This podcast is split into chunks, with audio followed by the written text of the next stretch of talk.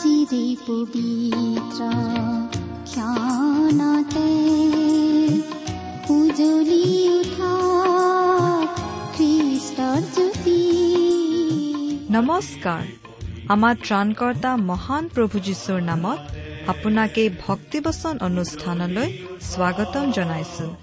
এয়া মুকলি কৰিছো ঈশ্বৰৰ জীৱিত বাক্যৰ ধাৰাবাহিক অনুষ্ঠান ভক্তিবচন। মুখৰিত কৰি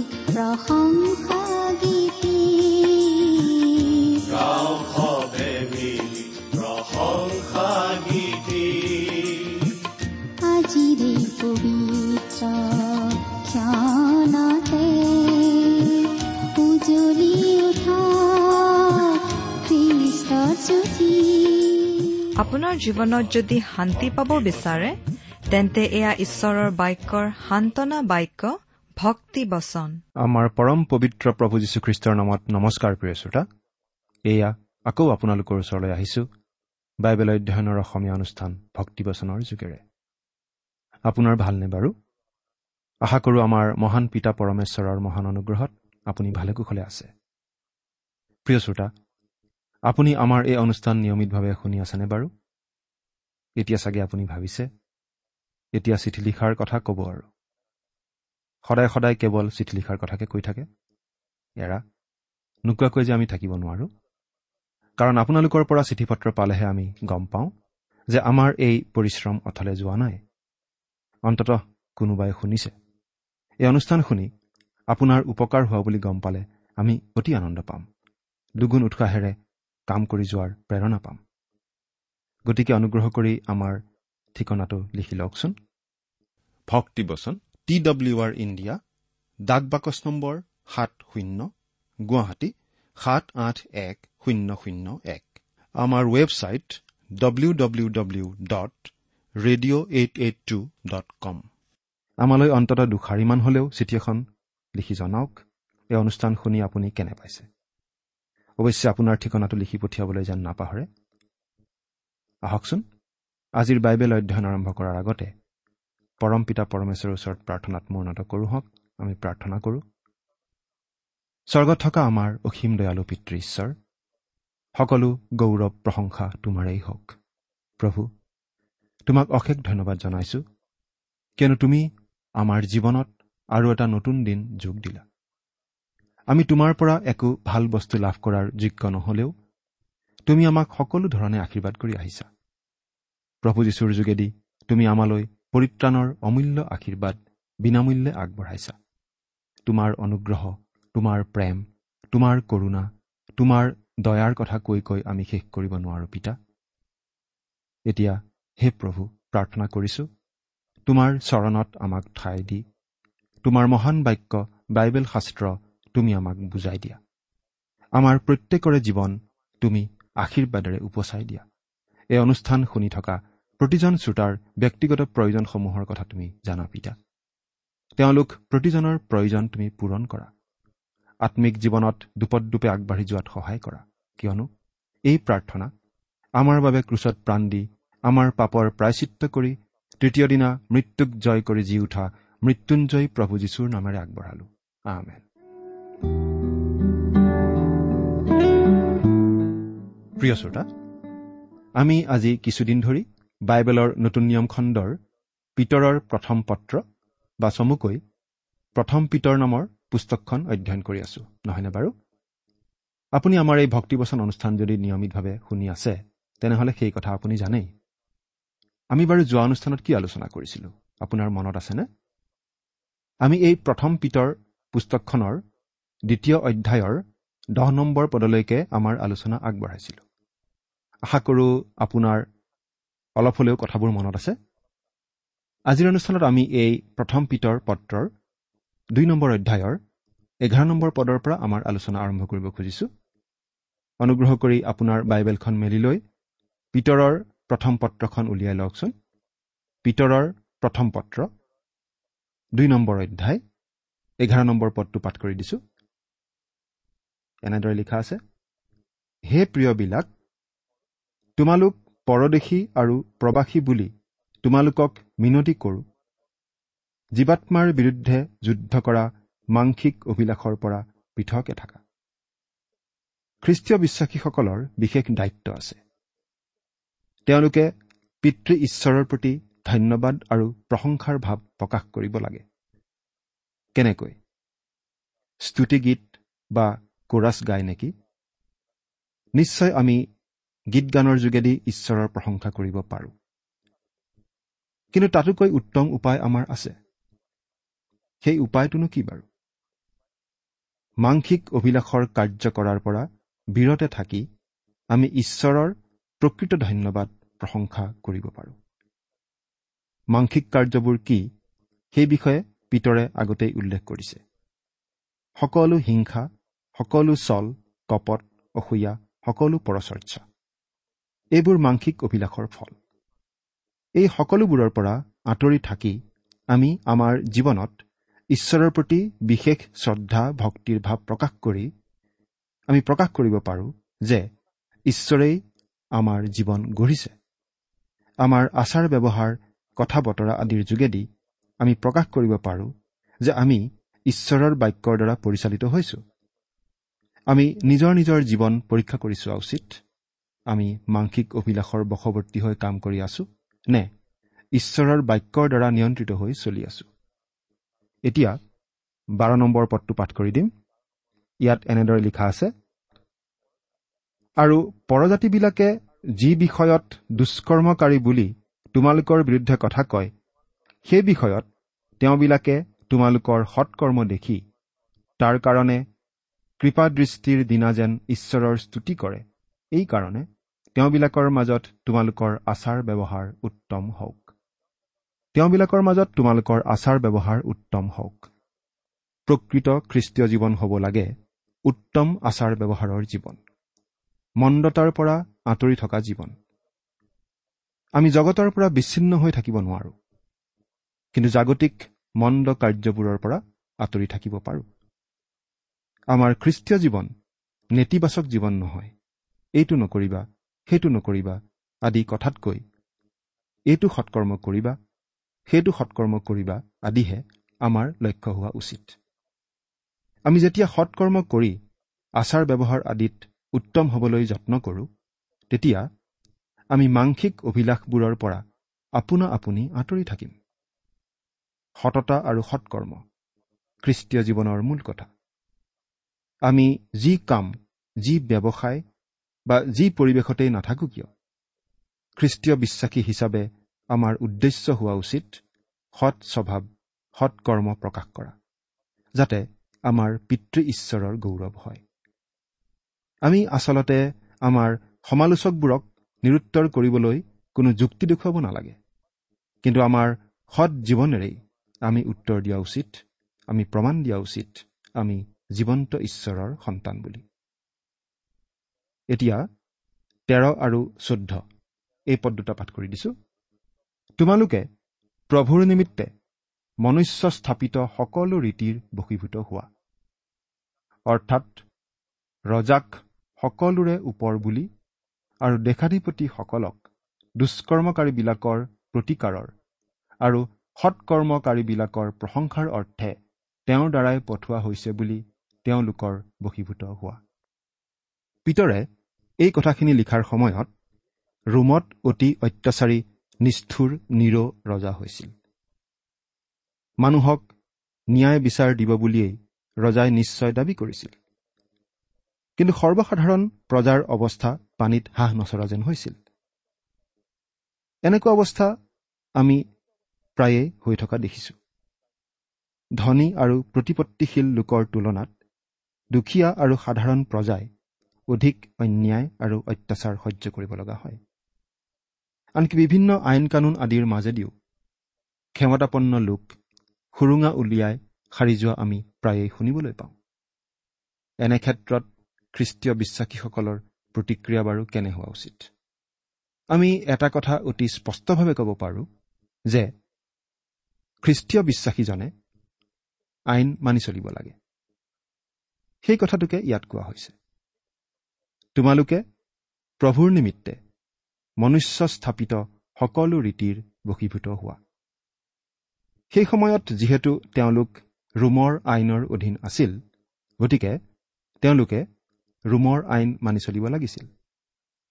লাগিলে সেই আইন যেনেকুৱাই নহওক সেই আইন মানি চলিবলৈ কোৱা হৈছে। ৰোমৰ আইনমতেই খ্ৰীষ্টক ক্ৰুচত দিয়া হৈছিল। ৰোমৰ আইনমতেই খ্ৰীষ্টীয় বিশ্বাসীসকলক নানা ধৰণে অত্যাচাৰ কৰা হৈছিল। কিন্তু তথাপি ইয়াত কোৱা হৈছে খ্ৰীষ্টীয় বিশ্বাসীসকলে সদায় আইন মানি চলিব লাগে বুলি। কোনো ধৰণৰ আইন বিৰুদ্ধ কাম কৰাৰ পৰা আমি বিৰত থাকিব লাগে। অৱশ্যে আমি এই কাম কৰিব লাগে প্ৰভূত। যদিহে আমি প্ৰভুৰ বিৰুদ্ধে যাব লগা হয় তেতিয়াহে আমি তেনে আইনৰ বিপৰীতে থিয় হ'ব লগা হ'ব পাৰে। যেনে ধৰক ছদ্ৰক মৎস্যক আৰু অবেদনাগুৱে ৰজাৰ কথামতে সেই সোণৰ প্ৰতিমাৰ আগত প্ৰণিপাত কৰা নাছিল কাৰণ সেই কামটো ঈশ্বৰ বিৰুদ্ধ কাম হ'লহেঁতেন। এই বিশেষ পৰিস্থিতিৰ বাহিৰে আন সকলো ক্ষেত্ৰতে আমি আইন মানি চলিব লাগে। লগতে আমি আন এটা কথাও মন কৰা উচিত। আমাক দেশৰ আইনৰ প্ৰতিও বস হ'বলৈ কোৱা হৈছে আৰু ক্ষমতাত থকা লোকসকলৰ প্ৰতিও বাধ্য হ'বলৈ কোৱা হৈছে। বেছি দূৰলৈ বাৰু আমি যাবই নালাগে। আমাৰ কৰ্মক্ষেত্ৰত অফিচত আমি বাৰু আমাৰ ওপৰৱালৰ প্ৰতি বাধ্যনে? আমি বাৰু নিয়মানুৱৰ্তিতা মানি চলোনে? এতিয়া পোন্ধৰ নম্বৰ পদটো পঢ়ি দিছো।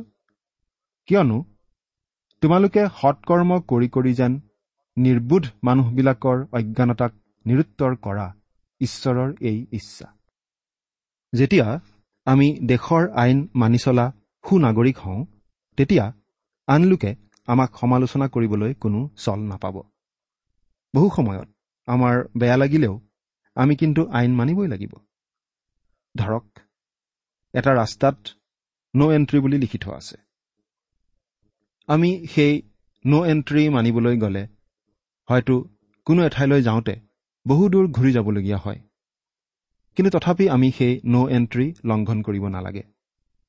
হয়তো সেই সময়ত কোনো পুলিচ অফিচাৰ তাত নাথাকিবও পাৰে।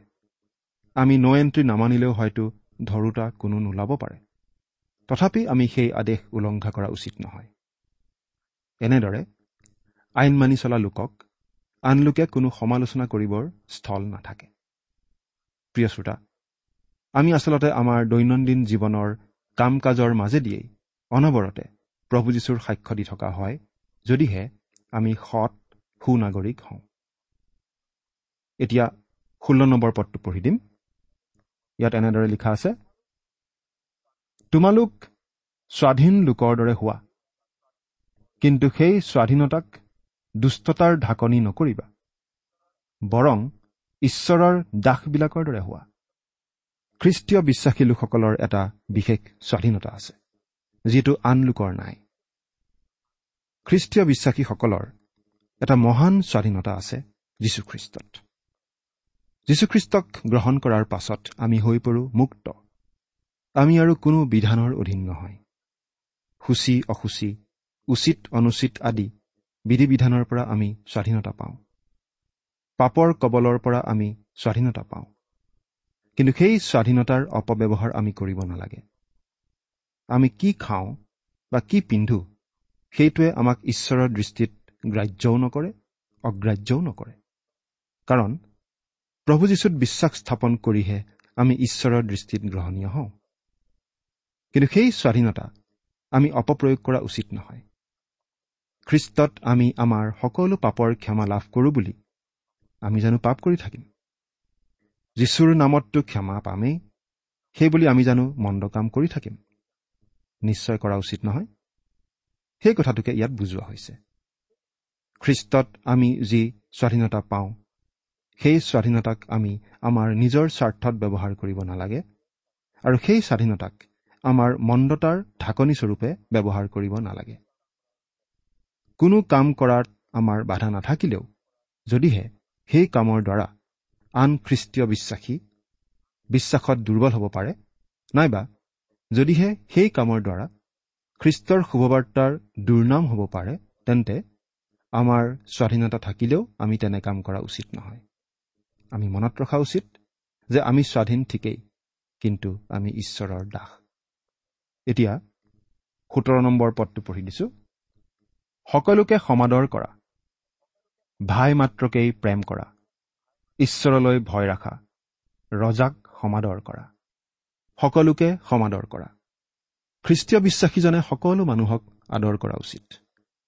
সকলো মানুহ আদৰণীয় নহবও পাৰে বা সকলো মানুহ প্ৰেমৰ পাত্ৰ নহবও পাৰে কিন্তু তথাপি আমি মানুহক ঘীন নকৰি আদৰহে কৰা উচিত কাৰণ ঈশ্বৰে সকলোকে প্ৰেম কৰে। ভাই মাত্ৰকেই প্ৰেম কৰা। সকলোকে সমাদৰ কৰিবলৈ কোৱা হৈছে কিন্তু ভাই মাত্ৰকেই প্ৰেম কৰিবলৈ কোৱা হৈছে। অৰ্থাৎ প্ৰতিজন খ্ৰীষ্টীয় বিশ্বাসীকেই প্ৰেম কৰিবলৈ কোৱা হৈছে। সকলো খ্ৰীষ্টীয় বিশ্বাসী একেটা পৰিয়াল অৰ্থাৎ ঈশ্বৰৰ পৰিয়ালৰ সদস্য।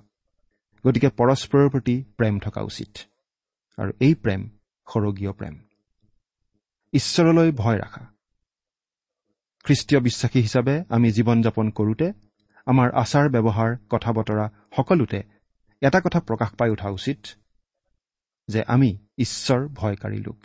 ঈশ্বৰলৈ ভয় থাকিলে আমি বহুতো সন্দেহজনক কাম কৰাৰ পৰা নিশ্চয় বিৰত থাকিম। ৰজাক সমাদৰ কৰা। আমাৰ ওপৰত শাসন চলাবলৈ কোনো লোক থাকেই। বহু সময়ত কিছুমান লোক আমাৰ মনৰ মতন নহবও পাৰে। কিন্তু তথাপি আমি তেনেকুৱা শাসনকৰ্তাকো প্ৰাপ্য সন্মান দিবই লাগিব। আচলতে আমি যেতিয়া কোনো ওপৰৱালাৰ বশীভূত হওঁ আমি সেই মানুহজন নহয় তেওঁৰ সেই পদবীটোৰ বশীভূত হোৱা বুলি বুজিব লাগে।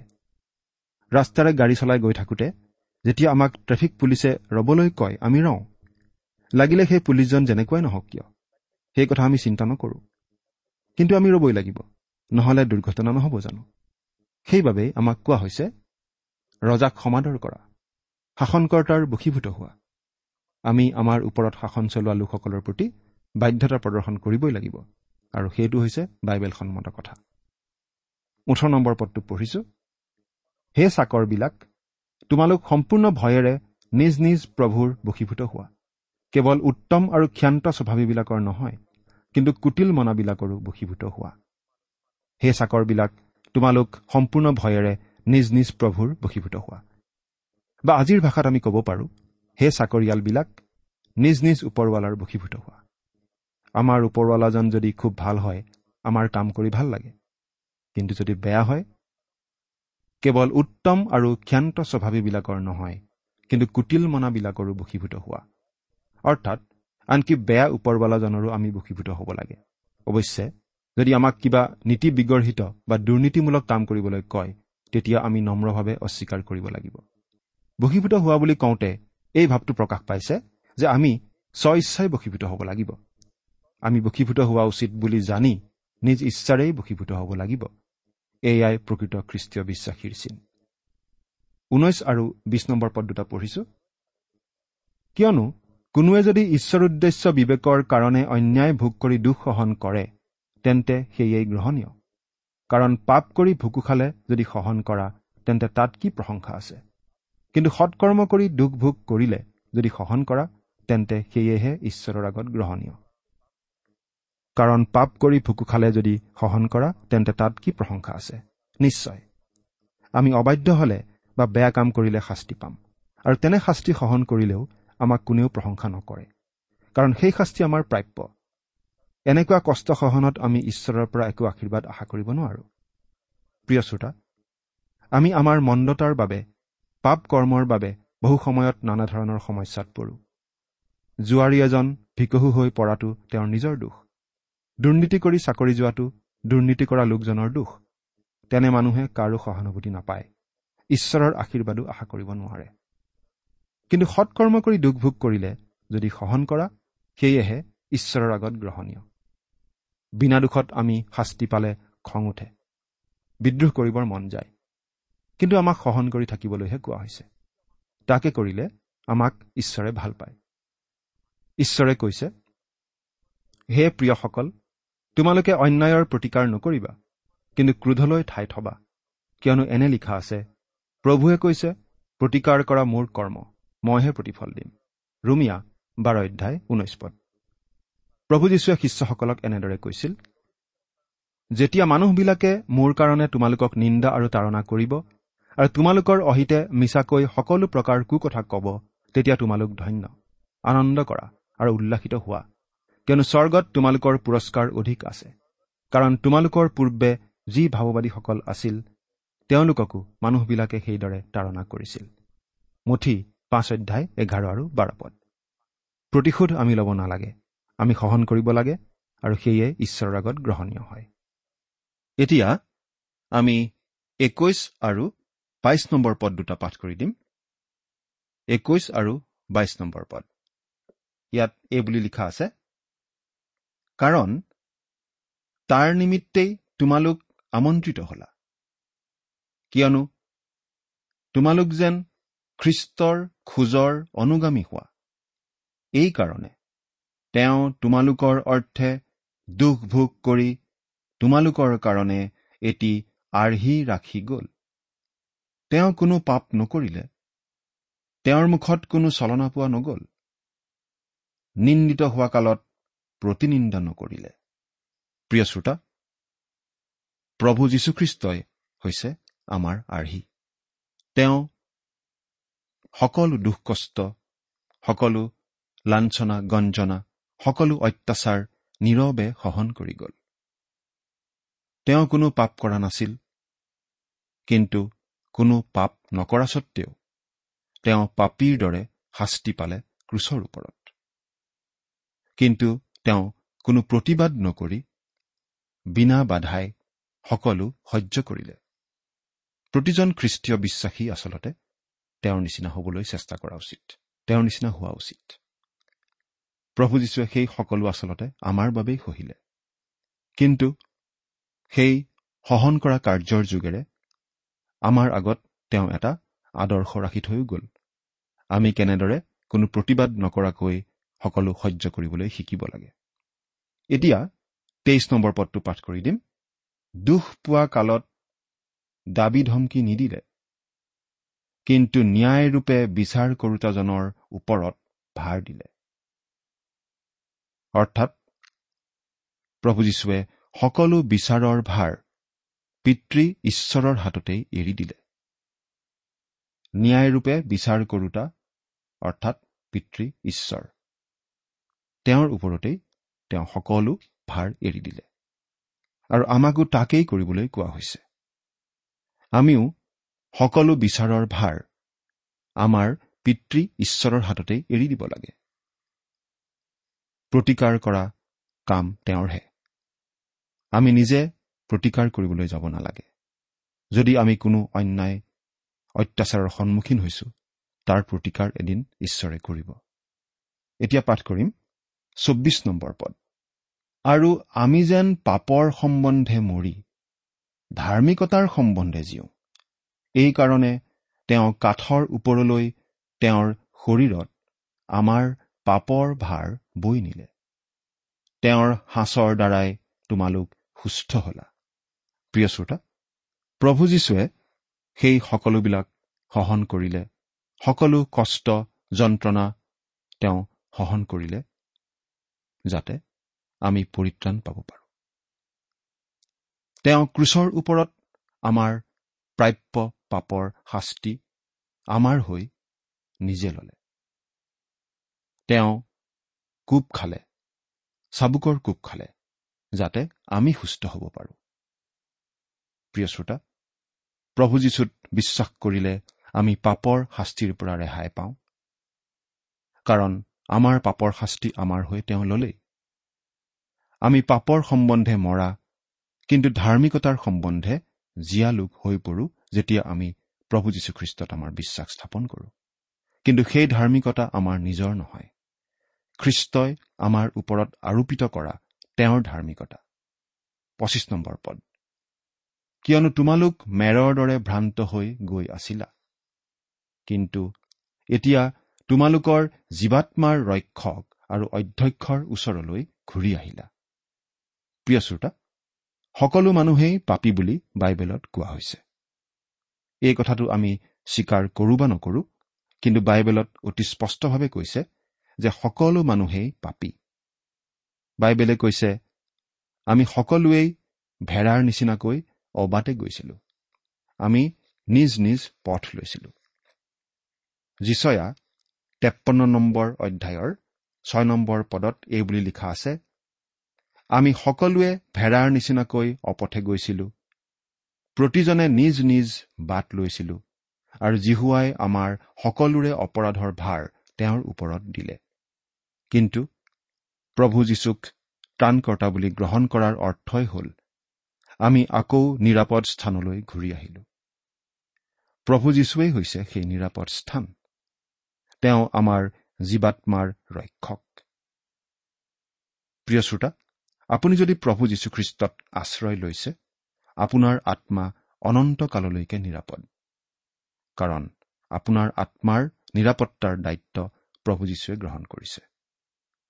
এই কথাটো আপুনি বাৰু চিন্তা কৰি চাইছেনে? ঈশ্বৰে আপোনাক আশীৰ্বাদ কৰক। আমেন।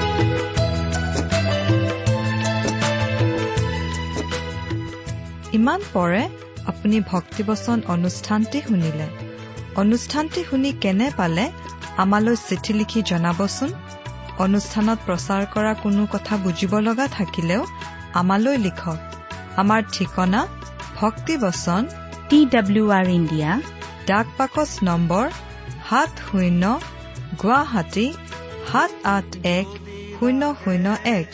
ঠিকনাটো আৰু এবাৰ কৈছো ভক্তিবচন টি ডাব্লিউ আৰ ইণ্ডিয়া ডাক পাকচ নম্বৰ সাত শূন্য গুৱাহাটী সাত আঠ এক শূন্য শূন্য এক। আপুনি ইমেইল যোগেৰেও আমাৰ সৈতে যোগাযোগ কৰিব পাৰে। আমাৰ ইমেইল আইডিটো হৈছে Assamese T TV at radio' eight eight two dot com. আইডিটো আকৌ এবাৰ কৈছো। Assamese T TV at radio' eight eight two dot com. আপুনি টেলিফোনৰ মাধ্যমেৰেও আমাক যোগাযোগ কৰিব পাৰে। আমাৰ টেলিফোন নম্বৰটো হৈছে শূন্য তিনি ছয় এক দুই ছয় শূন্য চাৰি ছয় সাত এক। ফোন নম্বৰটো আকৌ এবাৰ কৈছো zero' three six one two six zero' four six seven one. আজিৰ অনুষ্ঠানটি ইমানতে সামৰিছো। ঈশ্বৰৰ শান্তি আৰু অনুগ্ৰহ আপোনাৰ লগত থাকক। ধন্যবাদ।